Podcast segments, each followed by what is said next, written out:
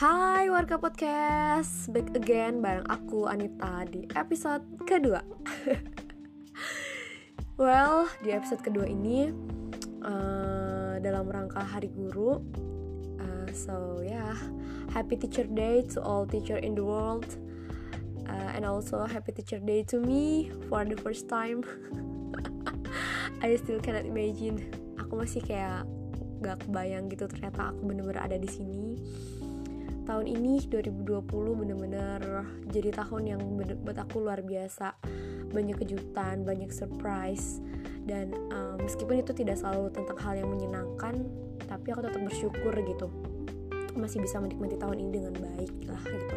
Salah satunya adalah dengan aku yang ternyata aku benar-benar sudah menjadi seorang teacher. Wow apa ya? Kayak itu tuh masih jadi sesuatu yang sampai sekarang tuh kayak wah gila gue bener-bener ada di sini gitu loh. Kayak kadang kalau di sekolah kalau ketemu sama guru-guru lain tuh kayak masih tetap gak nyangka aja gitu loh.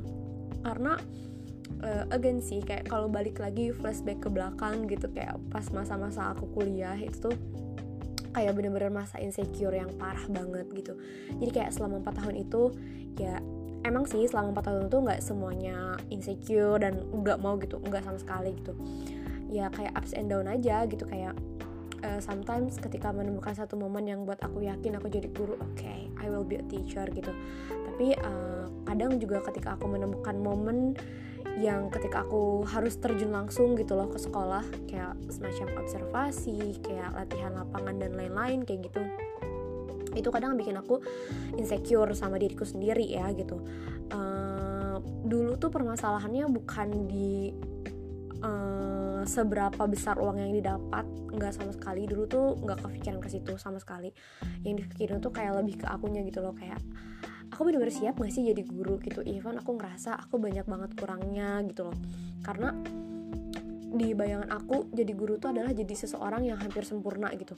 Karena uh, as you know gitu bagi anak SD guru tuh adalah uh, orang yang selalu di didewakan lah apa ya bahasanya didewakan.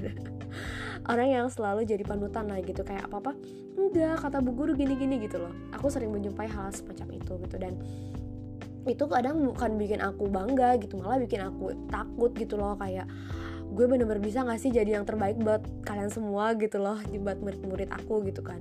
Apalagi uh, salah satu keinsecurean aku tuh adalah aku tuh nggak suka matematika. Aku bener-bener nggak suka matematika. Uh, sebenarnya sih dulu tuh waktu SD aku tuh suka matematika karena mungkin aku suka gurunya. Maksudnya kayak gurunya tuh bisa ngebawain masih matematikanya tuh dengan enjoy dan aku suka gitu tapi beranjak SMP mungkin karena seiring berjalannya waktu materi juga yang mungkin makin sini makin kompleks makin bertambah dan mungkin makin sulit gitu loh. SMP SMA dan bahkan sampai kuliah aku tuh kayak nggak pernah nemu titik yang oke okay, I love math gitu loh. Nggak sama sekali. Bahkan uh, tapi aku mencoba untuk suka gitu loh. Aku mencoba untuk ada di situ untuk mencintai matematika lah gitu loh ibaratnya. Sampai waktu penjurusan aku ambil kelas matematika dan itu tuh teman-teman sampai kayak lo beneran beneran nih mau ambil matematika gitu loh. Saking mereka tuh tahu gimana aku dengan matematika gitu gimana struggle aku dengan matematika gitu. Dan aku pikir ya kalau gue nggak nyelam gue nggak akan pernah tahu gitu loh. Oke okay, I try it. Aku coba masuk kelas matematika dan ya aku merasa paling bodoh. Aku merasa kayak paling anjir kenapa sih susah banget? Gini gini gini gitu loh. Terus kayak orang-orang tuh kayak pada nyantai gitu loh ngerti gak sih? Kayak tapi cuman aku doang sama ya adalah beberapa teman dekat yang sefrekuensi gitu loh. Kayak ya udah gitu. Loh walaupun pada akhirnya itu berhasil terlewati juga sih gitu. Ya itu terus sampai akhirnya tahun 2018 aku inget banget karena itu jadi salah satu keinsecurean aku yang aduh gimana ya beneran nih mau jadi guru? gitu loh. Karena saya takut itu uh, waktu itu saya ketemu sama Bu Ima dia uh, Bu Ima tuh adalah guru SD di Malang guru matematika sih awalnya. Dia tuh ya aku cerita gitu loh sama Bu Ima kayak Bu gimana ya? Aku tuh kayak takut karena aku gak bisa matematika dan lain-lain gitu. Dan akhirnya aku ingat banget Bu Ima bilang gini Mbak Anita uh, nanti Mbak Anita juga akan uh, menemukan alasan sendiri untuk mau belajar matematika dan uh, untuk belajar suka dengan matematika gitu. Dan itu akan ada ketika Mbak Anita sudah berhadapan dengan anak-anak gitu loh. Jadi kayak ketika Mbak Anita bertemu dengan anak-anak Mbak Anita akan selalu ingin melakukan yang terbaik untuk mereka gitu loh intinya. Jadi intinya gue tuh akan menem akan menemukan titik gue ingin belajar tuh ketika emang ket udah ketemu sama anak-anak gitu loh. Dan waktu itu kan masih kuliah 2018 itu masih kayak ah oke okay deh gitu loh masih kayak gitu tapi kayak masih ada struggle-nya juga. Nah berangkat dari situ pada saat tingkat akhir proses penyusunan skripsi ini jadi jadi salah satu memo atau jadi satu momen lah gitu yang uh, buat aku ini adalah momen yang paling serius aku tekuni, yang paling serius aku pelajari dan yang paling serius aku buat gitu. Karena aku ngerasa uh, aku menjadikan skripsi bukan sebagai salah satu tugas akhir yang sebagai syarat aja gitu loh kayak ya udah yang penting gue bikin deh gitu, nggak yang kayak gitu. Tapi di skripsi ini uh, aku pengen ketika orang baca orang bisa realize dan orang bisa dapat poin penting uh, yang bisa relate dengan kehidupan orang banyak gitu selain untuk diriku sendiri ya gitu. Beruntungnya waktu itu aku ketemu sama pembimbing yang juga sefrekuensi. Pembimbing yang uh, membebaskan aku dengan diriku sendiri menemukan banyak cara menemukan banyak hal dengan diriku sendiri dan gak yang dipatok gitu loh. Kamu gak boleh ini ini salah salah segala macam. Enggak sama sekali gitu. Beliau berdua sangat menghargai apa yang aku teliti gitu. Jadi waktu itu uh, sedikit cerita aku uh, meneliti tentang uh, proses intimidasi. Jadi judul skripsi skripsiku itu ialah kan jadi judul skripsi aku tuh intimidasi dialog dan pedagogi. Itu judulnya. Kenapa itu? Jadi kayak aku tuh terinspirasi dari sebuah buku yang menurut aku itu keren banget uh, buku pendidikan kaum tertindas karya Paulo Freire. Dan itu jadi apa ya barometer aku gitu loh dalam dalam memandang dunia pendidikan seperti apa gitu loh. Karena di situ Freire menjelaskan gimana uh, proses pendidikan mengintimidasi siswa gimana uh, tidak tidak adanya dialog di dalam proses pembelajaran gitu loh di mana pembelajaran cuma satu arah yang mana guru tuh sebagai waktu itu Freire bilangnya pendidikan sistem sistem bank gitu yang mana guru tuh di situ sebagai nasabah yang cuma nabung doang gitu loh ke siswa gitu sedangkan siswa tuh cuma kayak semacam tong kosong yang cuma diisi isi isi doang gitu loh dan mengeneralisasi siswa dan lain-lain sebagainya gitu. Hal itu jadi menarik buat aku waktu itu karena aku ngerasa kenapa ya gitu kok bisa gitu loh keadaan yang Freire tulis pada pada waktu itu itu sekitar 1970 deh kalau nggak salah. Freire Freire nulis itu pada situasi itu gitu. Tapi di situasi yang eh di tahun yang berbeda bahkan di negara yang berbeda Freire nulis itu di Brazil tapi di negara yang berbeda yaitu di Indonesia di negaraku tercinta uh, uh, itu justru hal itu masih ada gitu loh sampai detik ini gitu. Yang bahkan kita semua tahu kita udah ada di revolusi 4.0 lah kita udah ada di masa pendidikan yang uh, segalanya mulai teknologi lah segala macem kayak gitu-gitu. Tapi ternyata masih ada loh gitu loh uh, permasalahan ini gitu. Loh dan itu aku coba teliti. Uh, aku teliti itu di masa PPL waktu itu. Dan tepat banget di hari pertama PPL tuh aku kayak langsung lihat gitu. Kayak waktu itu aku inget banget masih jadi guru pendamping. Jadi di kelas tuh aku kayak masih mendampingi guru wali kelasnya. Itu di kelas 2 aku tuh kayak ngeli aku tuh kayak ngeliat apa ya cuplikan tulisan Freire secara nyata gitu loh. Yang mana ya pokoknya kayak gitu deh ya. Aku nggak akan menjelaskan secara jelasnya seperti apa. Intinya oh ternyata ini tuh masih ada oh ternyata intimidasi itu masih ada dan proses-proses seperti ini tuh kayak udah jadi sesuatu yang normal gitu loh di kita kayak udah jadi sesuatu yang akan mendarah daging di kita gitu loh. Dan di situ aku realize bahwa uh, dulu tuh aku masih berpandangan sebagai siswa ya yang merasa terintimidasi lah gitu ibaratnya gitu. Tapi di situ di situ juga gitu aku uh, coba buka dua pandangan dari sisi guru dan sisi siswa gitu loh. Dan akhirnya aku punya dua pandangan yang bahwa dari pandangan siswa mungkin uh, sometimes kita ngerasa terintimidasi kita ngerasa apa sih kita tuh harus kayak gini gini gini kita selalu diseragamkan kita selalu uh, kayak apa apanya tuh sudah terstruktur dari sekolah dan kita tidak punya hak untuk uh, berbicara kita tidak punya hak untuk mengeluarkan hak kita sebagai warga sekolah ibaratnya kayak gitu. Tapi di sisi lain aku juga punya pandangan dari seorang guru gitu. Waktu itu ada guru di situ juga dan aku sempat ngobrol dengan beliau. Jadi sebetulnya uh, as a teacher gitu. Kita lah karena sekarang aku juga guru gitu loh. Kayak aku ngerasa oh ternyata aku ngerasa tidak ada satupun guru yang bermaksud untuk mengintimidasi siswanya. Sama sekali aku yakin dan aku percaya banget tidak pernah ada guru yang seperti itu. Aku yakin mereka mengajar dengan sangat tulus. Aku yakin mereka mencintai profesi mereka as a teacher yang memberikan yang memberikan ilmu kepada guru eh kepada siswanya gitu loh.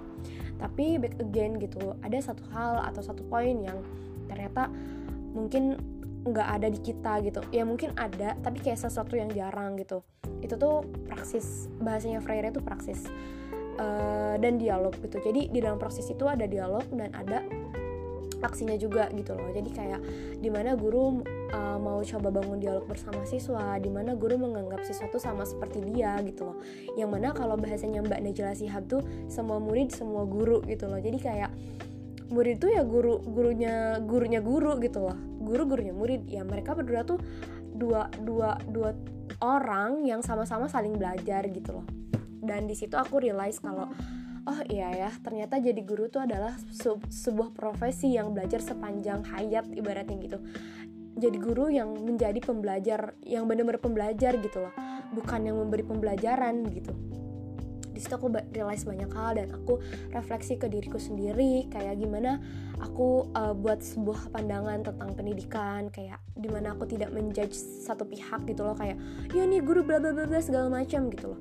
Terlepas sekarang aku guru atau bukan dari proses skripsi itu malah aku menemukan poin bahwa aku nggak bisa mencet satu pihak gitu aja gitu loh karena setiap orang punya alasannya sendiri dan situasinya memang ya sudah terbentuk seperti itu dan itu tidak bisa disalahkan lah gitu dan uh, yang bisa kita lakukan cuman how we can communicate about it gitu. Gimana kita bisa mengkomunikasikan hal ini? Gimana kita bisa coba bangun relasi baiknya lagi?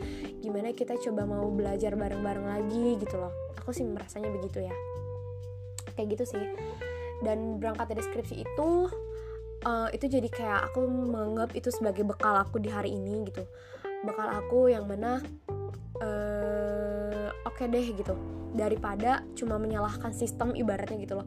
Ini tuh sistemnya nggak bener nih bla bla segala macam gitu loh. Karena aku juga nggak masuk ke sistem itu aku nggak pernah nyemplung ke kurikulum tuh kayak gimana sih salahnya di mana sih kayak gitu gitu aku nggak nggak masuk sampai situ. Jadi aku ngerasa aku sama sekali tidak punya hak untuk menyalahkan kurikulumnya untuk menyalahkan sistemnya untuk menyalahkan guru-gurunya segala macam. Nggak gitu loh. Kayak aku tuh sekarang udah di fase yang aku ngerasa ini tuh bukan saatnya untuk saling menyalahkan gitu loh.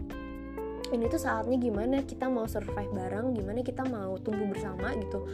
Gimana kita mau sama-sama sadar kalau kita memang sedang ada di proses yang oke okay, kita memang lagi ada di proses untuk menuju lebih baik gitu loh.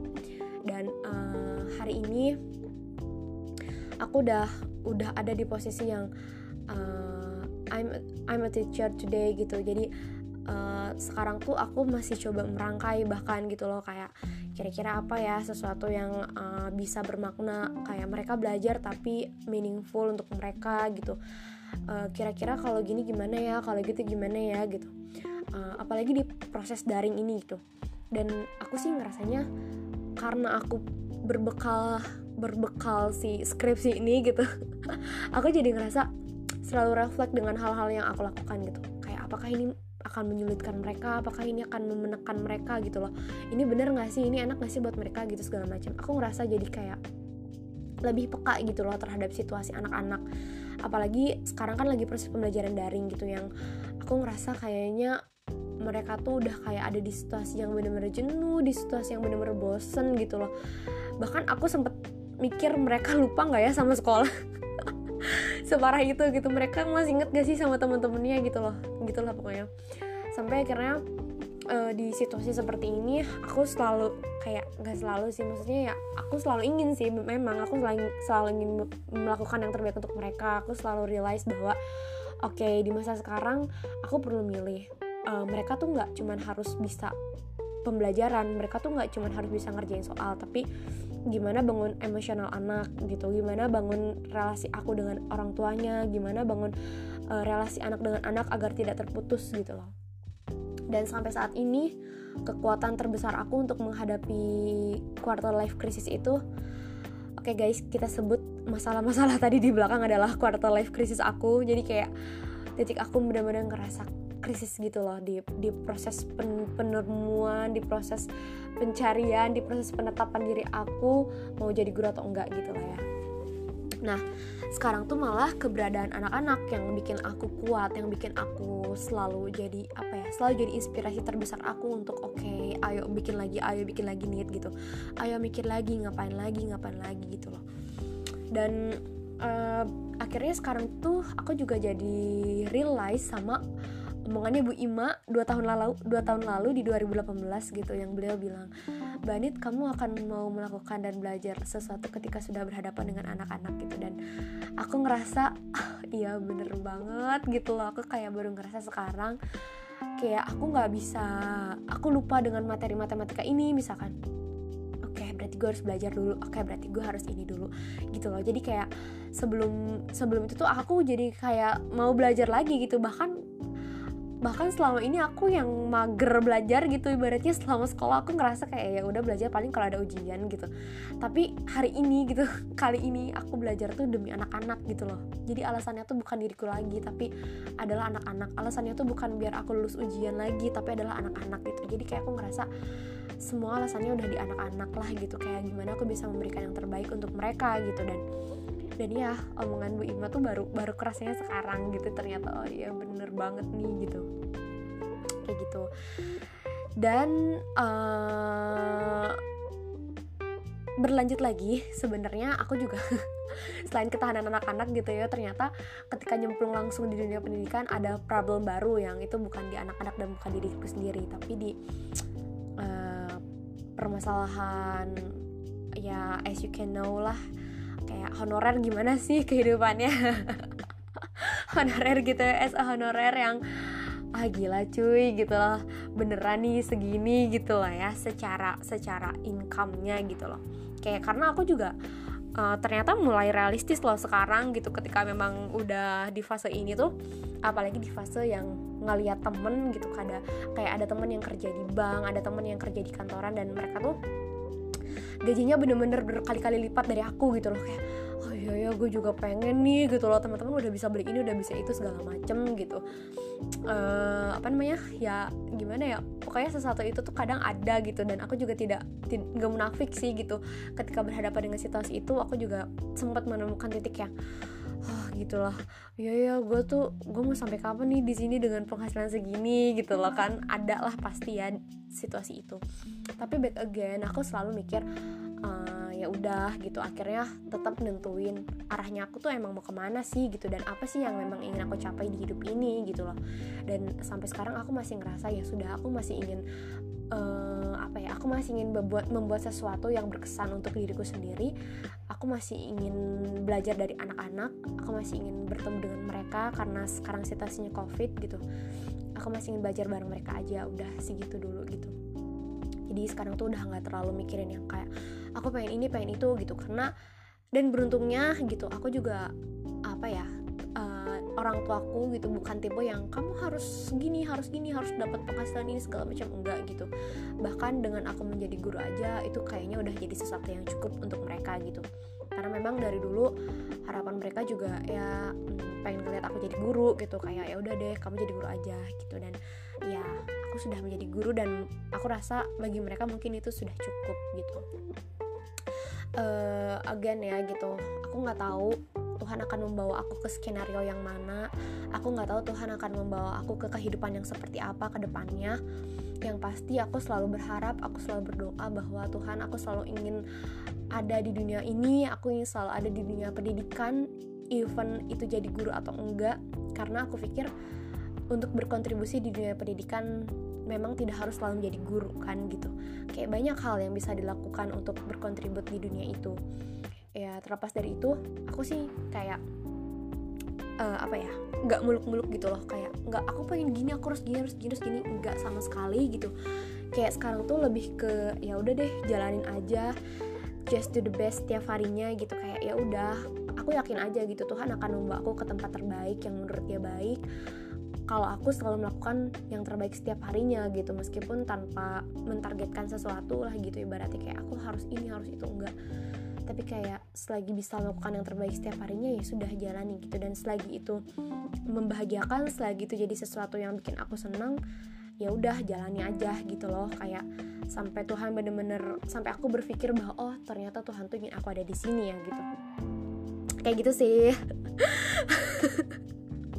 Gila ya panjang banget nih by the way. Udah hampir mau 30 menit eh 20 20 udah hampir 20 menit. Tapi ya udahlah ya nggak apa-apa. Semoga aku sih berharapnya uh, terlepas kalian yang mendengarkan ini kalian guru atau bukan kalian uh, seprofesi atau bukan kalian di bidang pendidikan atau bukan semoga kalian bisa dapat tetap ngambil tetap ngambil poin pentingnya atau poin baiknya. Kayak semisal bahwa ya Tuhan sudah menentukan garis hidup kita dengan sebaik mungkin. Terus terutama jangan pernah takut pada ketakutan kita sendiri gitu loh. Kayak kadang kita selalu berasumsi bahwa kita tidak bisa bahwa kita selalu uh, akan gagal menghadapi sesuatu kita selalu tidak bisa ada di mana di mana di mana gitu.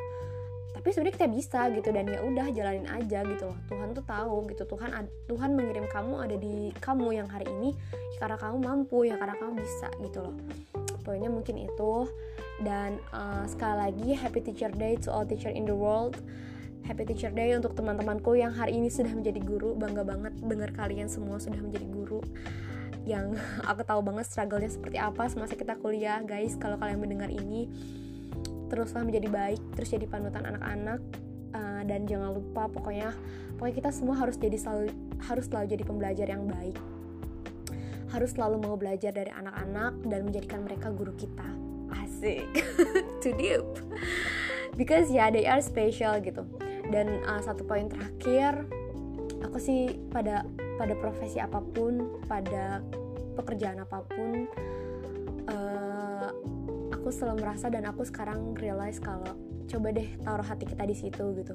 Karena ketika kita sudah menaruh hati kita pada sesuatu yang kita geluti pada sesuatu profesi pada sesuatu kegiatan pada sesuatu apa pun yang kita geluti gitu kita akan dapat uh, insight dan kita akan dapat uh, sesuatunya nyampe tuh ke hati lagi gitu. Jadi kayak apa ya bahasanya meaningful gitu untuk diri kita kalau misalkan kita tahu ada ada hati yang kita titip di situ gitu loh. Iya. Yeah. jadi hati tidak selalu berbicara tentang cinta love dan pacaran guys. Di semua kehal dan semua kehidupan ini kita perlu menaruh cinta di dalamnya. Ya apa sih? Oke deh thank you banget ya guys. Ini sudah berakhir. Uh, seputar kisah tentang uh, quarter life crisis maybe. Quarter life crisis me as a teacher or not. Atau uh, why I wanna be a teacher dan apa pun itulah terserah. Aku juga masih bingung ini mau dikasih judul apa. Yang pasti thank you banget. Semoga kalian dengerin bisa uh, dapat uh, poin baiknya. Karena aku sih berharapnya ketika aku buat sesuatu bisa memberikan insight yang uh, baik juga untuk teman-teman gitu. Loh thank you. See you in the next video. Eh tuh kan video mulu thank you. See you in the next episode guys. Bye bye